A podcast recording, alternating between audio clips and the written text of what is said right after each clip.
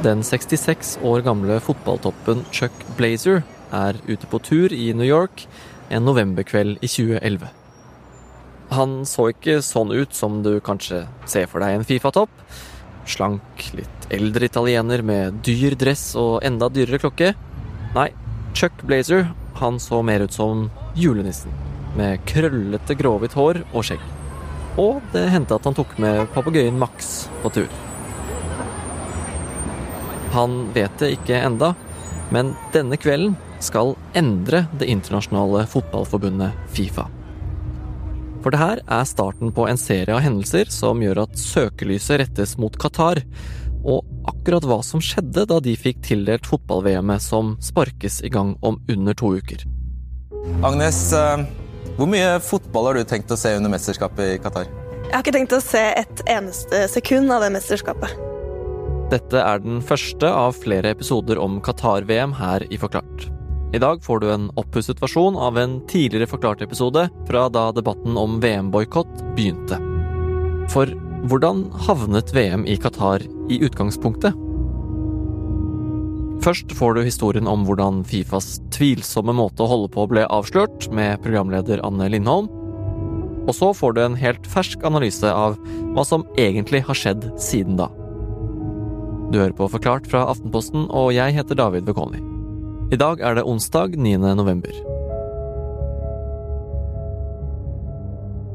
Chuck Blazer er på vei nedover eh, Manhattan på um, en sånn elektrisk eh, scooter eh, som han brukte for å komme seg rundt på gourmetrestaurantene han spiste på hver kveld. Daniel Rød Johansen, sportskommentator i Aftenposten. Når er det Chuck Blazer skjønner at den kvelden her ikke skal gå sånn som han har planlagt? Han la merke til at uh, han ble forfulgt av en bil. Um, Chuck Blazer, uh, en kraftig kar på 200 kilo, forsøkte å komme seg unna. Uh, og da ser jeg litt for meg en sånn Fast and Furious, veldig light-versjon. Men jeg tror ikke han kom veldig langt før, før han ble stoppet. Uh, og da var det to, uh, to politifolk uh, som kom ut og ga han et enkelt valg. Enten så samarbeider du, eller så tar vi deg med i fengsel. Og Blazer, han velger å snakke. Og det han sier, får store konsekvenser. For nå blir han informant for amerikanske myndigheter. For politiet, de vil ikke bare ha tak i Blazer fordi han har gjort noe galt. Det er to grunner, egentlig. Det ene er eh, at jeg hadde en skattesak på Checkblazer.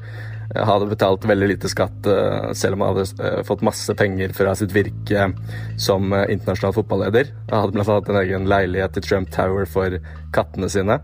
Men den største grunnen er at USA var jo et av de landene som tapte avstemningen om å få arrangere fotball-VM i 2022 for Qatar. Så USA, som hadde håpa å endelig få arrangere VM igjen, måtte se på at ørkenlandet Qatar vant i stedet. Uten at Qatar var særlig kjent for fotball. Og USA de ville veldig gjerne ha den folkefesten som et VM for herrer i fotball jo er, hos seg.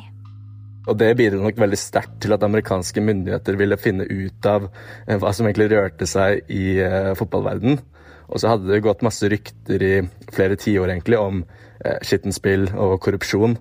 Eh, men det var da det virkelig, etterforskningen virkelig fikk fart på seg, da, og de virkelig fattet interesse. Eh, og da ble Chuck Blazer en slags inngangsport da, inn i denne verden.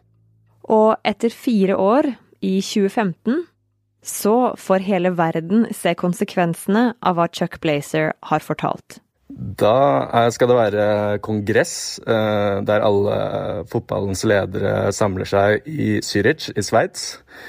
Eh, og på morgenen på det luksushotellet disse fotballtoppene holder til, så slår politiet til.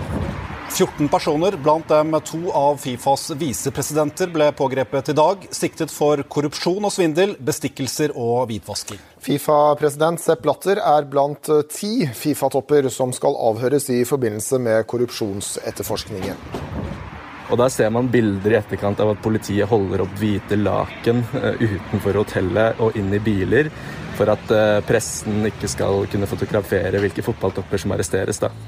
Men det blir ganske raskt klart at det er ganske mange som blir arrestert, og FBI har rullet opp en, et kriminelt nettverk, som de kaller det, som har sopet inn bestikkelser i flere årtier. Nå er det seks år sia alle Fifa-toppene ble arrestert på hotellet i Zürich. Men USA har jo fortsatt ikke fått det som de vil. For fotball-VM for herrer neste år, det skal holdes i Qatar. Et land i den persiske gulfen, en halvøy med Saudi-Arabia som eneste naboland. Og som mange land i området, så har de blitt rike på olje. Kvinners rettigheter står ikke så veldig sterkt her, sjøl om det ikke er påbudt med hijab, sånn som det f.eks. er i Saudi-Arabia. Og den største delen av befolkninga i Qatar er gjestearbeidere. Og nettopp de gjestearbeiderne er en viktig del av kritikken nå. De som bygger de sju helt nye stadionene, hotellene og butikkene i byen hvor VM skal holdes. For Daniel, hva er problemet med Qatar? Det er veldig mange problemer. Det startet eh, med at selve tildelingen var eh, tvilsom. Eh, de fleste som stemte fram Qatar i 2010, har fått ulike korrupsjonssaker eller dommer på seg. Men hovedproblemet er at fremmedarbeiderne i landet lever under det som menneskerettighetsorganisasjoner beskriver eh, som slaveri-lignende forhold. Og da snakker vi om saker som en fra den britiske avisen The Guardian i februar, som viser at over 6500 gjestearbeidere har dødd i Qatar siden de ble tildelt VM. 37 av dem er offisielt kobla til bygginga av fotballstadionene. Og selv om det har skjedd formelle reformer på papiret, så ser man at det i liten grad er innført i praksis og nå er også de formelle reformene i spill. Så det er et sånn slags supporteropprør i deler av norsk fotball som eh, rett og slett tenker at nå er nok nok. Og det er rett naivt å tro på at det blir noe bedre her de siste 20 månedene før VM. Men Qatar er ikke de eneste som har blitt anklaga for å overkjøre menneskerettigheter i håpet om å få TV-kameraer, fotballstjerner og verdens oppmerksomhet retta mot en folkefest hos seg.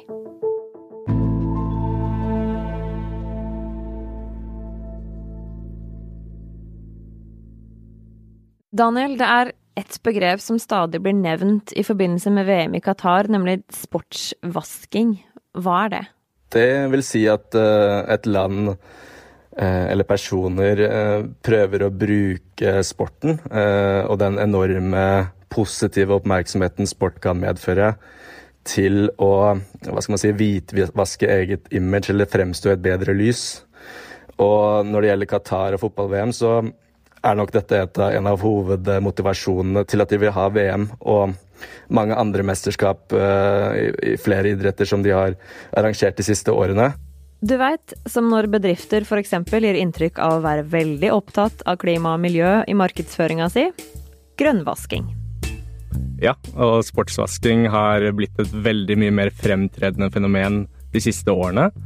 Spesielt fordi en rekke fotballklubber er blitt kjøpt opp, og Qatar ble tildelt eh, fotball-VM nå. Og i Norge spesielt har det vært en uh, veldig heftig debatt om dette, som uh, har presset, dette, presset, bevisstheten rundt dette frem i den norske befolkningen. Og den kunnskapen er jo det som må til hvis det faktisk skal skje noe.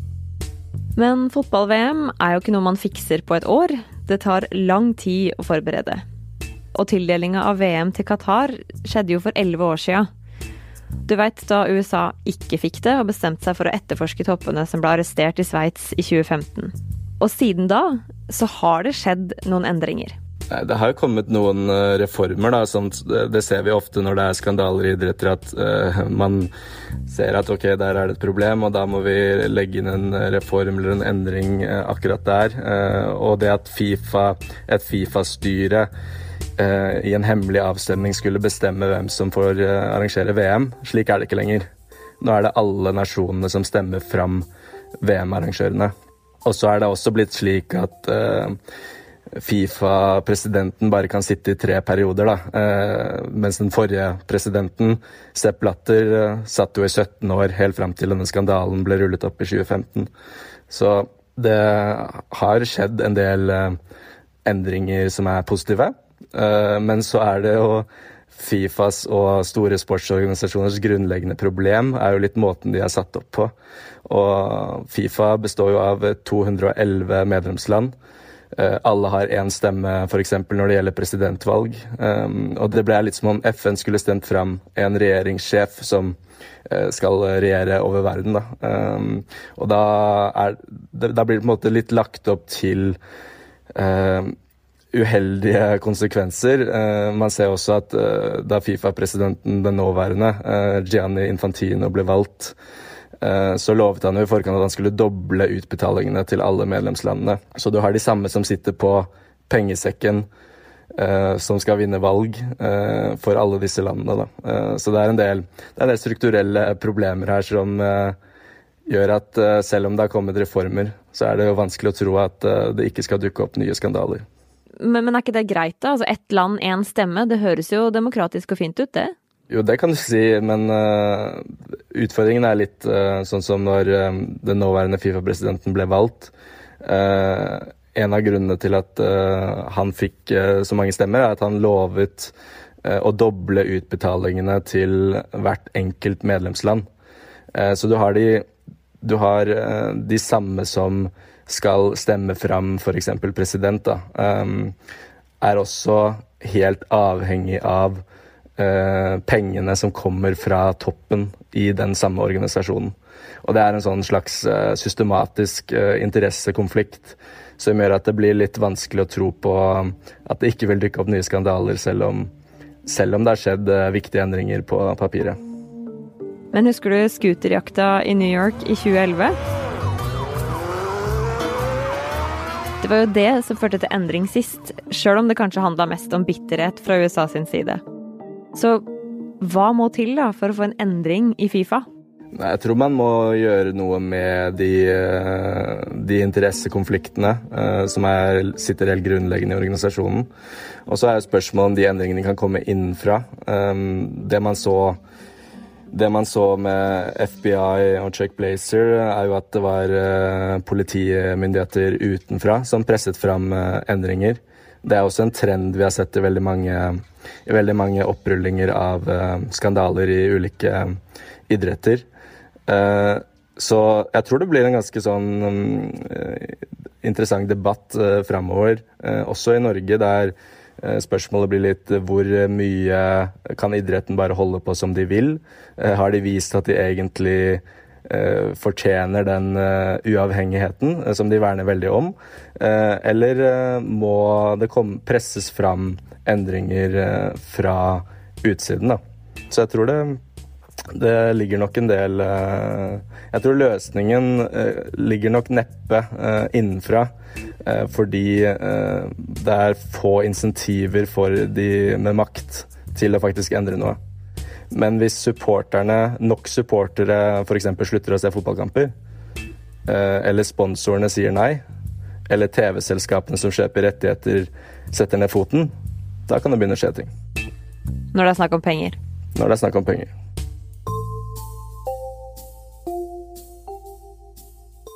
Daniel, nå er det ett og et halvt år siden du sa at det skulle press og penger til for å endre noe.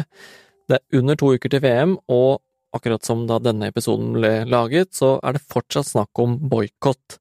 Men nå er det en mer sånn folkelig TV-seerboikott, hvor folk sier at de ikke skal se på VM. Kommer det til å ha noen effekt? Jeg frykter at det blir for smått. Eh, TV 2 har gjort en undersøkelse blant sine seere, der 10 eh, ikke kommer til å se noen ting. 10 bryr seg ikke om de kritiske sidene ved VM, eh, mens 80% er et eller annet sted i midten der. Og det kan være en veldig bred skala, da. Så jeg tror veldig mange har, her i Norge har et ambivalent forhold til dette VM, men at de som vil boikotte det helt, kanskje ikke er så mange, selv om det kan virke som på Twitter, blant annet. Og så er det viktig å huske på at eh, Norge er et lite land, et lite marked, mens i store deler av verden tenker de ganske annerledes rundt dette. Eh, mange, I mange land er dette egentlig bare en fotballfest. Og hva med sponsorer, er de fortsatt eh, med? I Norge så rapporterer både TV 2, NRK, VG og Aftenposten i forbindelse med et VM-magasin at det er tyngre å få tak i sponsorer til dette VM som nok eh, viser litt av den debatten som har vært her, da. Men på verdensbasis er de store sponsorene fortsatt med. Det er McDonald's og Coca-Cola og hele gjengen. Men er det noe som har endra seg siden debatten raste for halvannet år siden? Det er noe som har endret seg, men kanskje ikke helt på den måten man håpet da. Eh, det vi ser tegn til nå, er at eh, Qatar trapper opp retorikken, skjerper retorikken mot det de mener er en vestlig kampanje. Og denne informasjonskrigen kan altså handle om Ukraina-krigen. Og Qatars infokrig med Vesten, og hva den har å gjøre med krigen i Ukraina, det skal vi snakke mer om i neste episode av Forklarts VM-dekning, som kommer neste uke. Qatar har brukt flere årtier på å bygge seg opp gjennom sport og en rekke andre områder. Bygge allianser i Vesten. Og nå er det tid for å cashe.